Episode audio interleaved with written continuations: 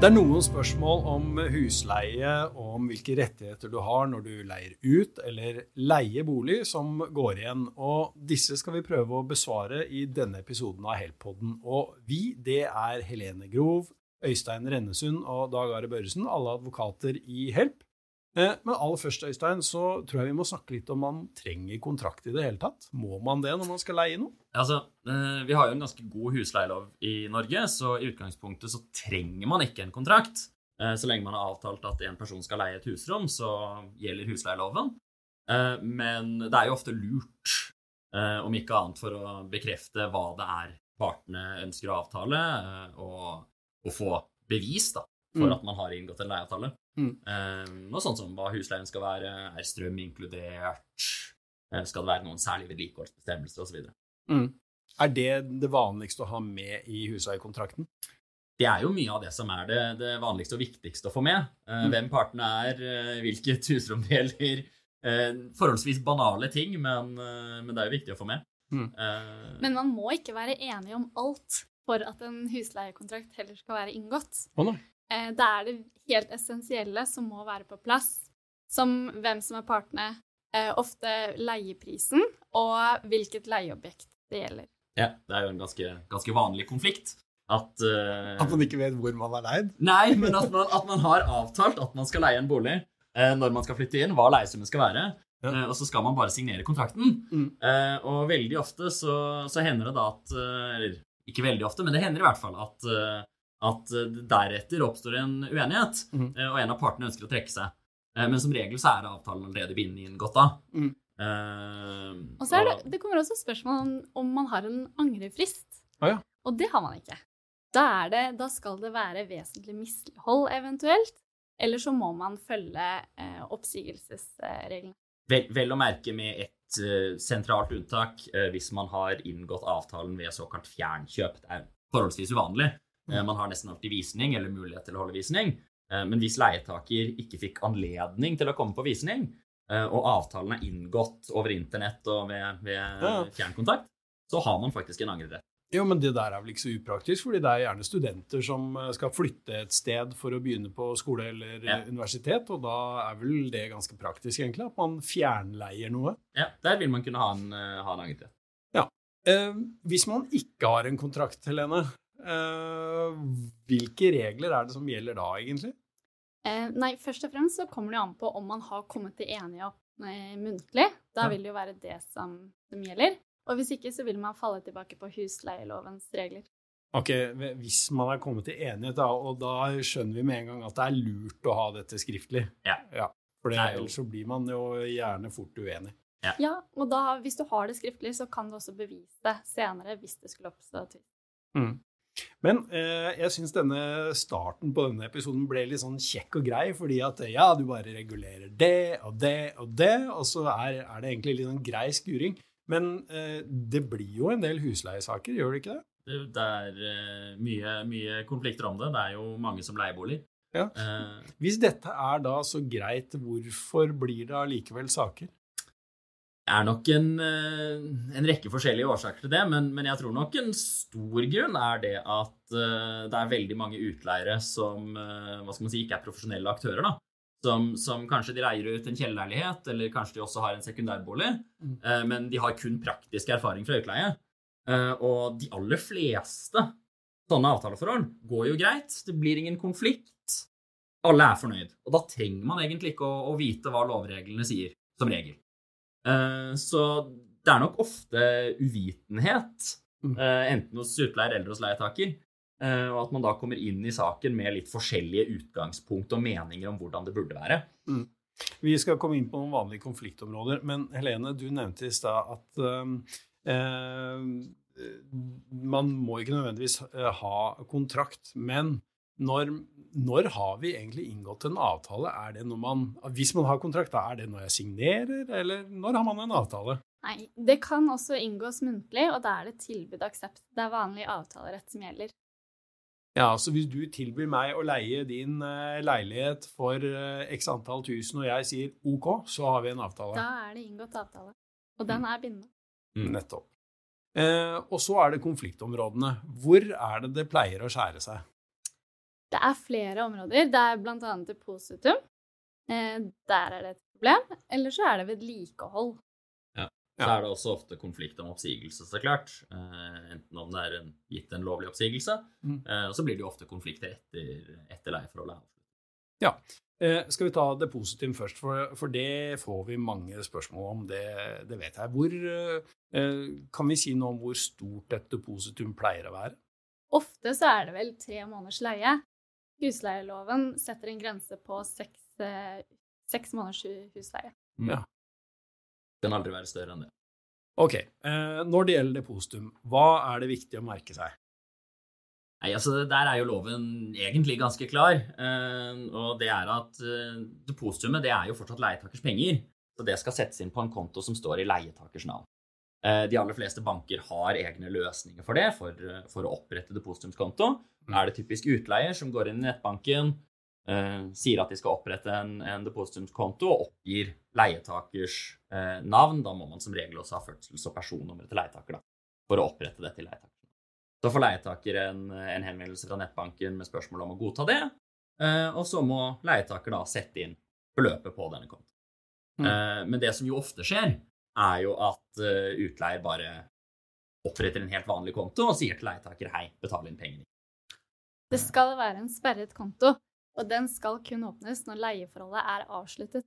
Så disse pengene skal ikke verken parte ha muligheten til å ta ut. Hvis jeg da kommer som liten leietaker og, endelig og er lykkelig over at jeg endelig har fått uh, tak i en, eh, en leiebolig Det er jo pressa marked uh, Mm. mange steder. Eh, og så legger jeg merke til at det er noe tull med depositumskontoen. Hvordan går jeg fram da? Det er jo flere måter man kan gå frem på.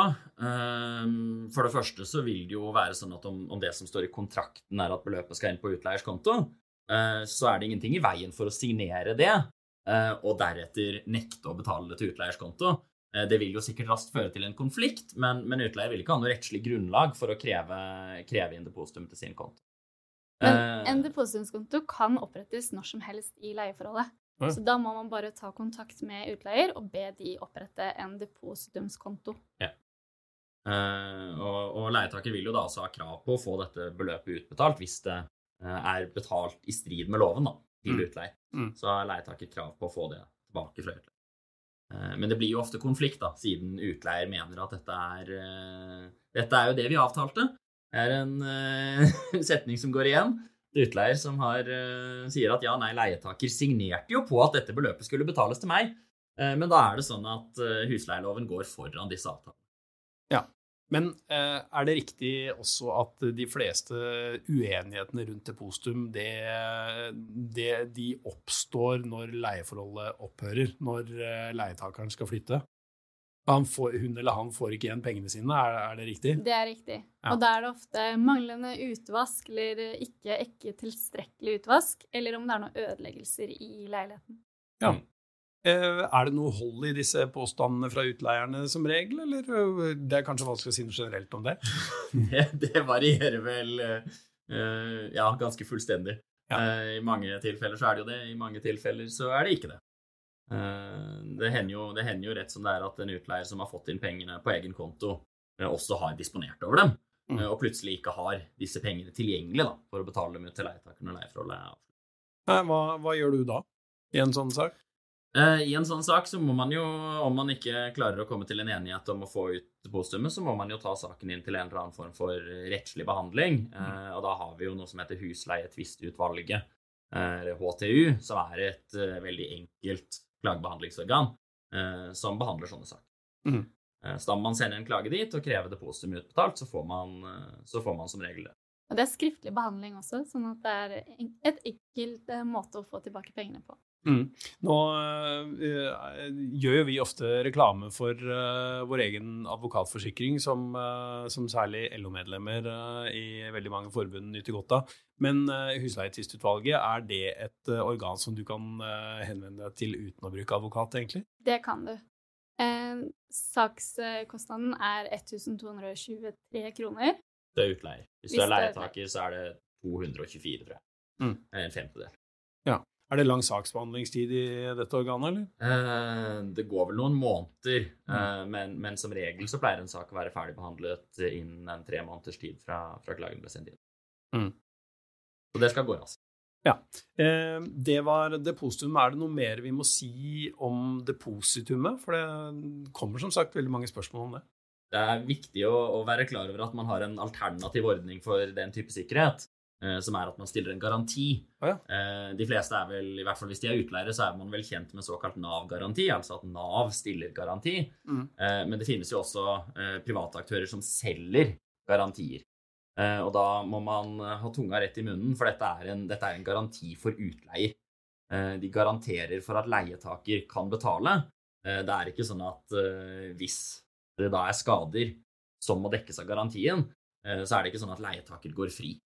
Eh, en garanti betaler bare ut og, og krever deretter beløpet tilbake fra leietaker. Okay. Eh, og det er leietaker som typisk, hvis man må betale for å ha en sånn garanti, så er det jo leietaker som, som betaler det.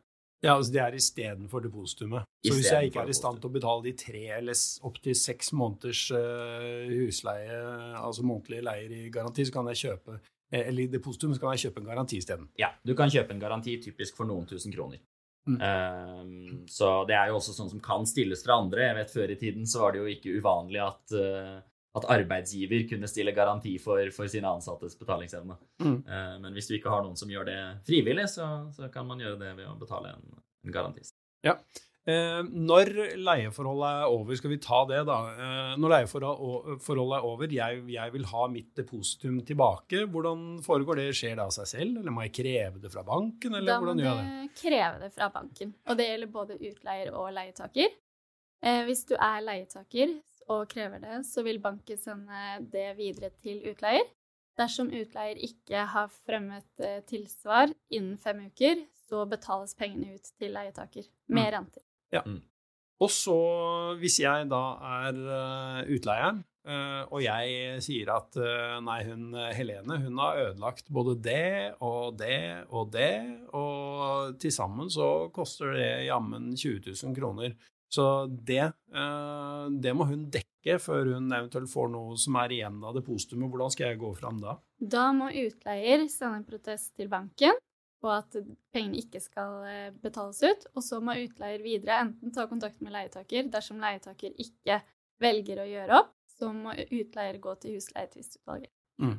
Uh, altså, uh, utleier vil ikke kunne få ut de pengene fra banken uten å ha en, enten en enighet, altså erkjennelse fra leietaker, eller en dom eller lignende fra enten husleietvistutvalget eller, eller høyere domstolsorgan. Ok, Så hvis, hvis, Helene ikke er enig i at hun faktisk har forårsaket disse skadene, hva, hva må jeg gjøre da? Da må, da må, utleier sende en klage innen denne femukersfristen eh, og ta saken til eh, HTU. Ja. Eh, det er relativt enkle. Det, det, finnes klageskjemaer for det på nettsiden til HTU. Mm. Eh, så det skulle være noe man kan få til, få til på egen hånd. Ja. Eh, men eh, det, det, må man da gjøre innen fristen. Hvis ikke så skal banken betale ut til leie. Mm. Men, men, ofte så kommer jo advokatene inn i bildet fordi at eh, med en viss erfaring fra um, lignende saker, da, så kan man i hvert fall håpe at vi har et slags overblikk over hvilke argumenter som taler for, og hvilke mm. argumenter som ikke er relevante, og hvilke argumenter som veier tyngst. Eh, så, så, det er vel det eh, som, som, gjør at man eventuelt skal kontakte advokat. Da. Ja, altså hvis man har, eh, Særlig hvis man har advokatforsikring, så, så ville jeg jo anbefalt at uh, mm. man kontakter en advokat for å få en vurdering av saken. Mm. Uh, vi har jo mange sånne saker også, hvor vi bare gir en vurdering og, og, anbefaler kunden hvordan de bør gå videre. og så har vi jo så klart noen større saker hvor vi også bistår med saksgangen i, i HTU. Mm. og hvis det er store skader og store summer, så ville jeg nok også anbefalt de fleste, og i det minste uh, ta en uh, rask prat med en, en, advokat eller annen, annen fagkyndig. Mm. Men sånne ja, ja, ting skjer på fest, eller uh, altså når du, altså, du kan ikke regne med annet når det først er 100 stykker i leiligheten, så er det vanskelig liksom å holde full oversikt, eller det har vært så mye å gjøre dette semesteret, eller altså Den type argumenter er kanskje ikke så lett å komme noen vei med? Nei, de er ikke de som vil ha hold. Tar man de videre. Nei. Men dere, uh, mens vi er inne på skader, da. skader som oppstår i den leiligheten som jeg leier. Eh, er det mitt ansvar som leietaker å reparere det, eller er det utleierens ansvar, eller hvem har skylda? Det kommer helt an på hvilke typer skader som oppstår. Ja. Hvis det er på ting i leiligheten, så er du som leietaker eh, ansvarlig for å fikse det, og for å betale for det. Altså, det er jo, man, man skiller jo gjerne mellom skader som blir påført, og, og skader som hva skal man si, oppstår, altså mer vedlikehold. Mm. Eh, men eh, hvis man som leietaker har en fest, og noen snubler og slår et hull i veggen, eh, så er det du som leietaker som er ansvarlig for det overfor utleier. Mm. Eh, så, men, men når det kommer med til sånne vedlikeholdskostnader, uh, så må man se både på hva som er avtalt, og hvis man ikke har noen avtale om det, så, så er det jo noen regler om det i husleieloven. Mm. Uh, Men jeg bare tenker på at um, det er jo ikke alltid at det man leier, er i tipp topp stand. Uh, og ting kan jo ha en ganske eh, Hva skal vi si, det kan ha en del bruksslitasje når jeg flytter inn.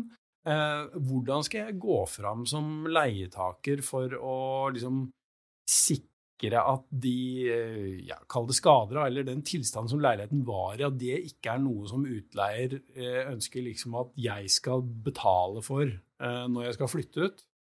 Det lureste det er jo enten sørge for at man har en ordentlig sånn protokoll når man flytter inn, eh, og det enkleste man kan gjøre sånn bare selv, er jo å ta godt med bilder når man flytter inn.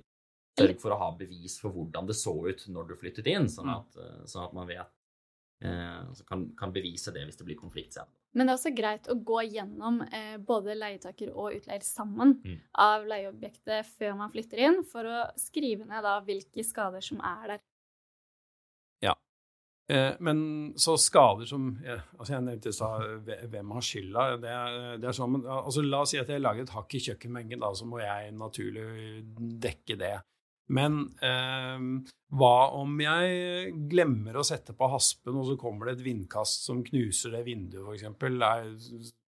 Det kunne sikkert ha skjedd mange, det. Eh, må jeg betale for det også? Det er nok, det er nok en, en typisk eh, type konflikt. Ja. Eh, og, og i en sånn situasjon så vil jo utgangspunktet være at leietaker er ansvarlig eh, for akkurat, akkurat den type hendelse.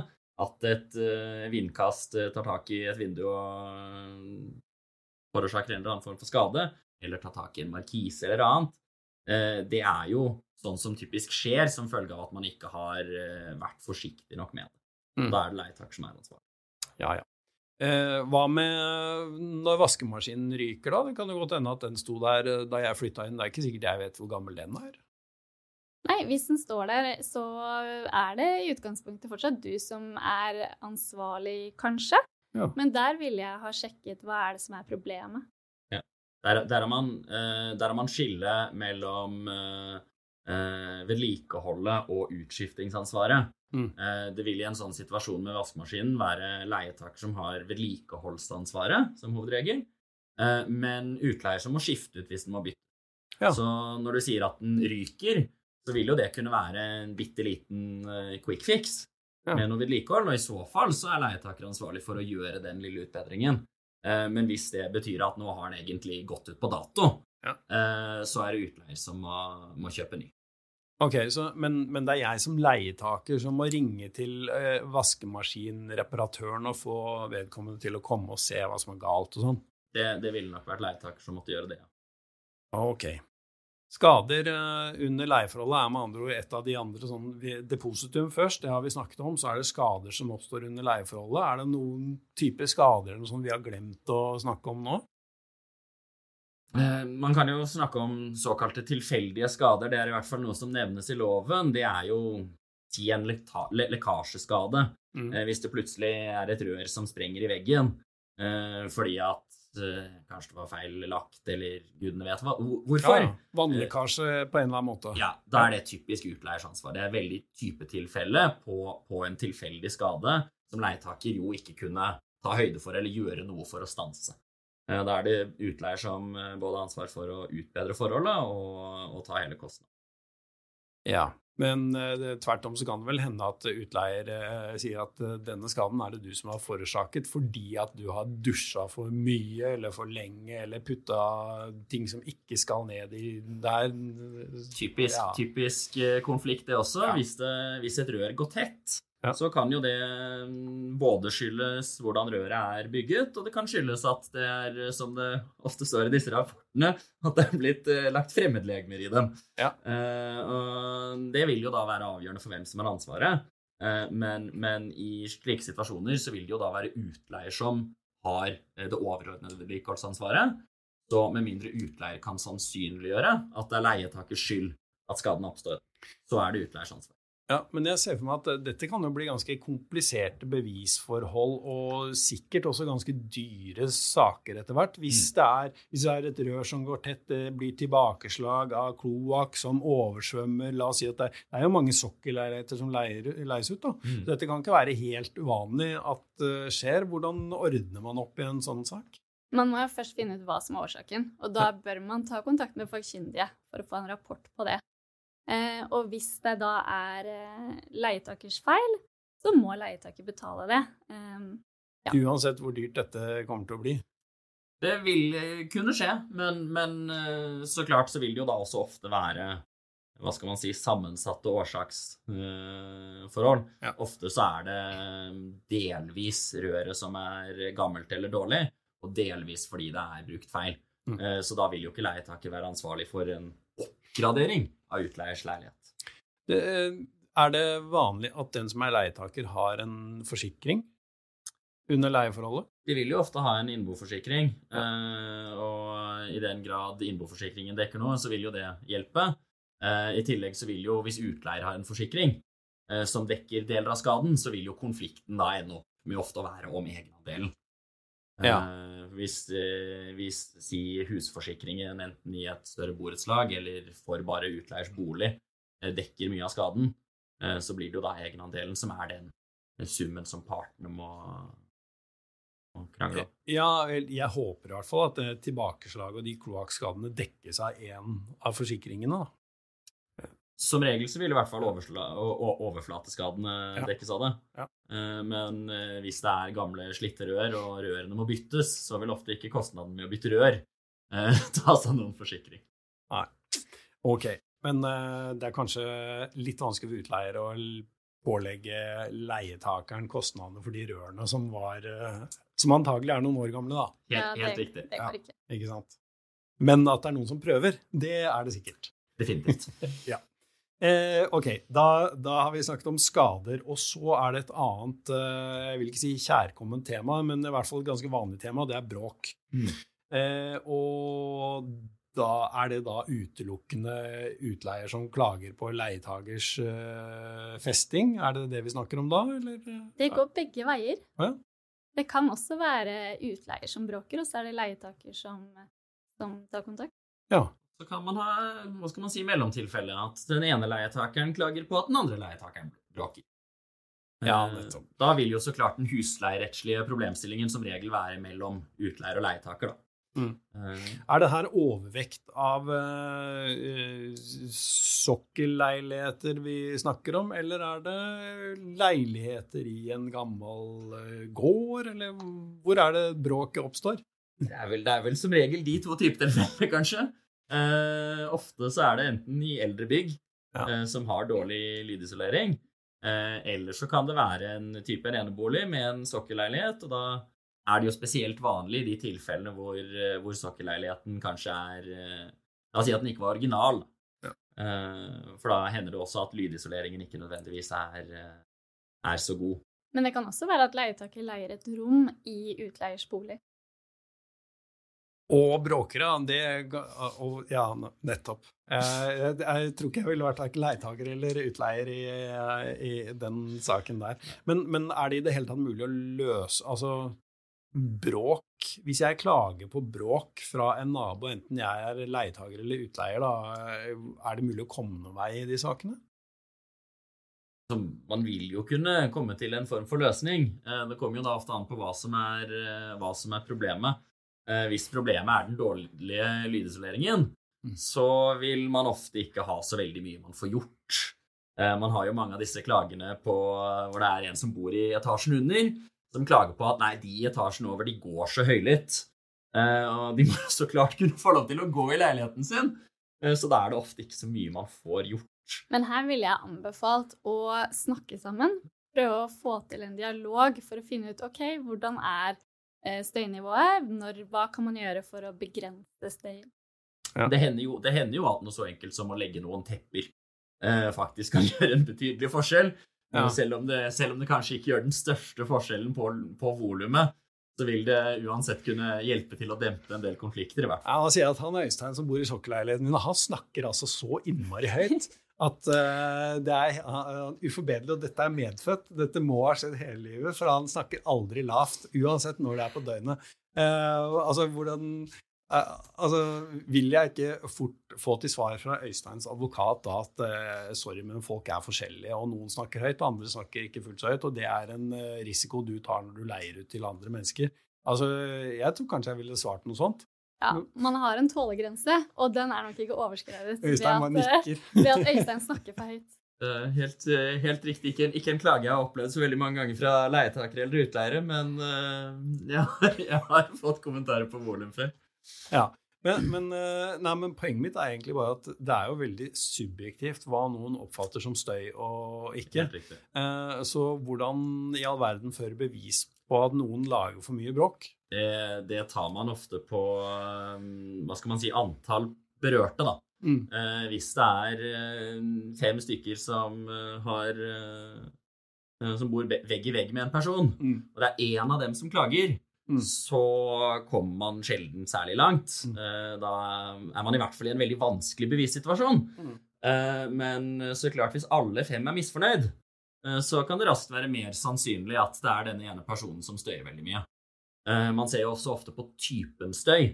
Eh, hvis det det klages over, er at det til stadighet spilles musikk klokken ett på natten, eller er fester, eller er annen mm. Eh, støyende aktivitet, så vil man jo ofte ha, ha mer å gå på. Mens som sagt, hvis man klager på at de går på gulvet, eller at volumet av vanlige samtaler er for høyt, så, så har man ikke så mye å komme med. Nei, men Stakkars chilene da, og alle de andre som eh, bor rundt, eh, de får ikke sove pga. Eh, bråket ditt. Hva skal de gjøre da? Skrive dagbok, eller? Dagbok er en måte å dokumentere det på. Det å sende klager med beskrivelser av hva som har skjedd og, og enkelttilfeller, er, er, nyttig. Så kan man også ta inn en, en, klausul i husleiekontrakten om at det skal være stille mellom 23 og f.eks. 7 om morgenen. Ja, men uh, ja, og det er bra du nevner, fordi at sånne husordensregler uh, Hvis jeg da uh, er misfornøyd med et eller annet du gjør som leietaker, og så vil jeg gjerne ha en slutt på dette, kan jeg da etterpå komme liksom snikende inn med mine husordensregler i den kontrakten vi signerte for et halvt år siden? Det kan du. Det er utleier som bestemmer. Så husordensregler kan komme når som helst i leieforholdet kanskje greit å, å, nyansere med at det er jo bare vanlige husordensregler, som det heter. Ah, ja. Man kan komme snikende med sånn i ettertid. Ah, ja. eh, man kan ikke da plutselig ta inn noe helt eh, abnormalt. Men hvor eh, fins disse vanlige husordensreglene? Er det et kartotek, liksom? Er... det finnes ikke noe, noe, absolutt, eh, i hvert fall ikke meg bekjent, noe Nei. sted man kan, eh, kan finne det, men det må man jo da vurdere konkret. Ja, men Du får, kan sikkert få det da, hvis du henvender deg til et eller annet borettslag. ja, til? Man, man kan jo enten ja. høre med borettslag hvis, hvis, det er i et borettslag, så mm. kan man jo se på dem. Mm. Uh, men uh, det går også an å høre med Hvis man eier bolig og er medlem i Huseiernes Landsforbund, så vil de ofte ha, mm. uh, ha noe. Og så mm. kan man jo så klart, hvis man har advokatforsikring her, kontakte, kontakte Helt for å få hjelp med å lage sånne husordensregler. På inspirasjon til husordensregler, da. Ja.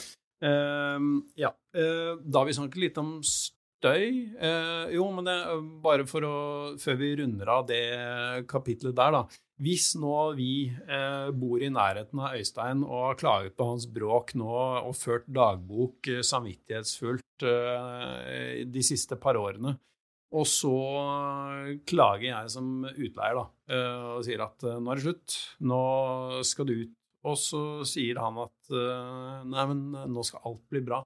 Uh, heretter skal dere ikke høre en lyd fra meg. Altså, hvordan altså, kan, man få Øystein kastet ut fordi han er høylytt og har vært det de jevnlig de siste to årene? Det kommer an på om man har sendt varsler eller ikke. Man må først sende et varsel før Ja. man kan kaste ut.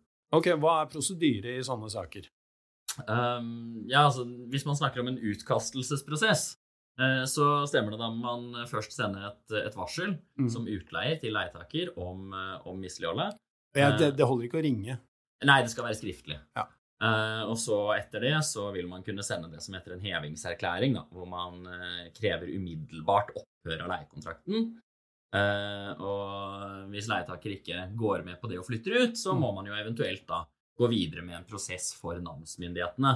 Eh, min anbefaling ville vel være at allerede før man kommer til stadiet av å sende en hevingserklæring, så ville jeg nok også da kontaktet juridisk bistand. Ja. Eh, For da kommer man raskt over i forhold som er ganske juridiske. Ja. Eh, Men det man kunne gjort, også uten noe advarsel, er at man kunne sendt en oppsigelse. Eh, For hvis det er støy som Mhm. er såpass alvorlig eller såpass ille at, det- utgjør en form for mislighold, så vil det være oppsigelsesgrunn, selv om det ikke er grunnlag for, eh, for utkastelse. Og det krever i utgangspunktet ikke noe varsel på forhånd. Nei. Nei, fordi det er jo naturlig nok eh, neste, neste steg, da. Eh, Det neste kapittelet som skaper en del problemer som gjør at noen søker eh, advokathjelp. Mm. Eh, Hvordan skal oppsigelse foregå etter boka da, Helene? Nei, da skal du jo helst sende en skriftlig oppsigelse, og da må du grunngi den hvis du da er utleier. Må den være skriftlig hvis jeg er leietaker? Det må den ikke, Nei. og da trenger du heller ikke grunngi den. Men eh, når det er sagt, eh, selv om du er leietaker, så bør du jo eh, sende en skriftlig oppsigelse, eller i det minste sikre en eller annen form for bevis på at du har sendt den til utleier. Eh, Men det trenger jo ikke å være på et papir. Du kan sende en tekstmelding eller Ja. en e-post eller andre. Ja, og grunnen til at det er lurt, er jo at da kan det Altså, utleier vil vel kanskje si at nei, jeg har aldri fått noen oppsigelse, og hvis du skal si opp, så skal du likevel betale husleie for eh, den perioden og den perioden. Ja, det er rett. Ja. så, så det er lurt. Ok, men um, vi får jo av og til saker fra um, uh, hva skal vi si, oppsigelsessaker da, som ikke går helt etter planen.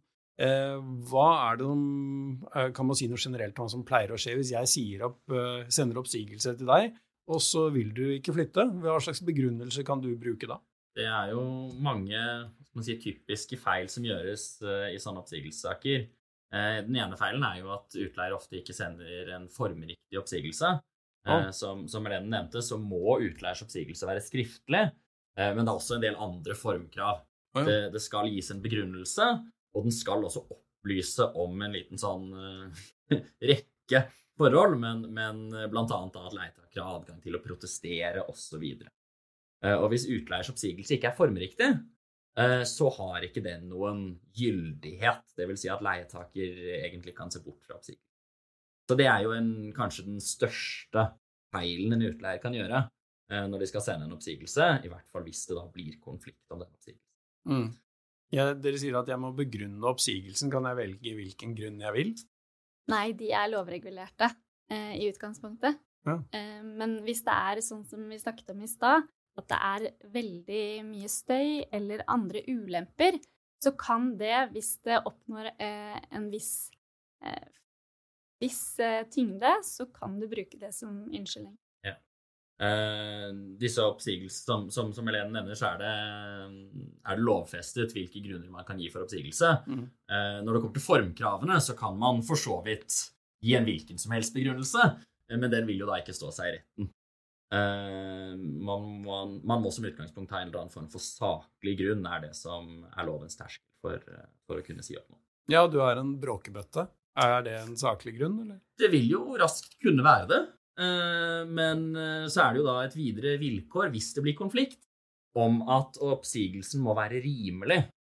Eh, Og det vil jo raskt ikke være tilstrekkelig til å komme over en, selv en minste terskel for rimelighet, at personen bare er bråkete. Og da er det en interesseavveining som skal tas. Da vil man også se på leietakers interesse av å kunne forbli boende. Så hvis jeg eh, sier opp eh, din leieavtale eh, med den begrunnelsen at du er en bråkbøtte og har vært det lenge, og du da holder deg i skinnet eh, og lover bot og bedring, og dessuten er leiemarkedet vanskelig for tiden, og du eh, har kanskje et omsorgsansvar, ikke sant, og den type ting, så er det ikke sikkert at jeg mm, får igjennom den oppsigelsen. Er det sånn å forstå? Det, det er helt riktig. Eh, Den rimelighetsvurderingen den gjøres, eh, som det ofte heter, på domstidspunktet. Mm. Eh, som vil si at hvis jeg hadde bråket mye da jeg fikk oppsigelsen, men etter det jeg ikke hadde fått noen varsler før, og etter det virkelig skjerpe meg, Mm. eh, så vil det raskt kunne føre til at man ikke vinner frem med en oppsigelse. Men også i det tilfellet så vil man nok måtte vurdere hvor graverende det var før jeg fikk oppsigelsen. Jeg tror nok uansett hvor mye man skjerper seg, hvis det var ille nok, så, så kommer man ingen vei. Eh, Hvis det eksempelvis har vært naboer som har flyttet og solgt boligene sine pga. den støyen jeg har drevet med, Mm. så, så kan man nok kanskje si opp uansett. Ja. Ehm, det er kanskje en del utleiere som syns at dette her er litt sånn foruroligende nyheter, mens eh, sett fra leietagernes synspunkt så, så uh, sier vi jo egentlig at det er altså bot og bedring, det kan fungere i en del tilfeller, og det er kanskje fint, det også. Ehm, når det gjelder oppsigelse, vi nærmer oss uh, slutten her, men um, er det noe mer vi må få med uh, i akkurat den bolken, tro? Eh, Jeg kommer ikke på noe sånn nå med en gang, men altså For at man skal unngå å havne i konflikt, skal vi ta det til slutt? Hvordan, eh, hvordan skal eh, man håndtere leieforholdet, enten man er utleier eller leietaker? Er det mulig å komme med sånne oppsummerende regler til slutt, kanskje? Eh, altså, Du er jo inne på noe, og vi har jo snakket om at eh, i disse oppsigelsessituasjonene så har jo leietakere ofte en del rettigheter. Eh, og Det innebærer jo at man da ofte er godt tjent med å opprettholde en god tone og prøve å ha en eh, hyggelig relasjon. Eh, så eh, man kan jo bli enige om Ja. at leieforholdet skal opphøre. God tone er bra, og så er det jo ofte sånn at det er litt vanskelig eh, Man syns at det er vrient å snakke med den det gjelder, så man ringer heller advokaten sin. F.eks. Mm. hvis man har eh, advokatforsikring. Det er jo ikke sikkert at det er klokt at det, at det første som skjer i saken, er at eh, utleier eller leietaker får et brev fra en advokat. Eh, Nei, først vil, ja, først vil jeg nok anbefale at partene tar kontakt eh, med den andre. Eh, og så, dersom det oppstår konflikt, så kan man heller ta kontakt med en advokat. Mm. For så fort en advokat kommer inn i bildet, så vil ofte konflikten eskalere. Ja. Partene blir jo gjerne defensive. Eh, eh, og så tenkte jeg på en ting til. Det er nok eh, noen utleier som tenker at det alltid vil være trumf, på en måte. da, At man bruker som begrunnelse for oppsigelse at man skal enten har et familiemedlem som skal flytte inn, eller man skal på en eller annen måte skal bruke leiligheten selv. Vil det alltid føre fram? Det er vel en sannhet med modifikasjoner, ja, at det, at det alltid fungerer. Så klart, hvis leietaker aksepterer det, og ikke protesterer på oppsigelsen, så vil jo det kunne fungere. Eh, Men hvis en leietaker protesterer, så vil utleier da måtte kunne sannsynliggjøre eh, at det faktisk er en intensjon om å, om å flytte inn. Og Ja. det er jo noe som eh, til stadighet blir eh, overprøvd i, i husleietvistutvalget eller andre instanser. Det må være sant, med andre ord. Så, så snakk sant. Det kan jo være et veldig godt råd, enten man er leietaker eller utleier. Det er en fordel. Det, det vil ofte fungere best i, i rettslige sammenhenger, og så klart eh, så øker det jo konfliktnivået om man blir tatt i en løgn. Ja. Da får det være omtrent siste ord, i hvert fall fra Øystein Rennesund, Helene Grov og Dag Ari Børresen. Eh, Nå klarte vi ikke, helt sikkert ikke, å liksom favne om alle temaer eh, innenfor husleieretten, men vi har mer stoff om husleie. Vi har et krasjkurs til husleie, faktisk, eh, i en annen podkastepisode. Hvis du søker opp eh, Help-podden i eldre episoder, så vil du finne den der. Uansett, takk for at du hørte på Help-podden.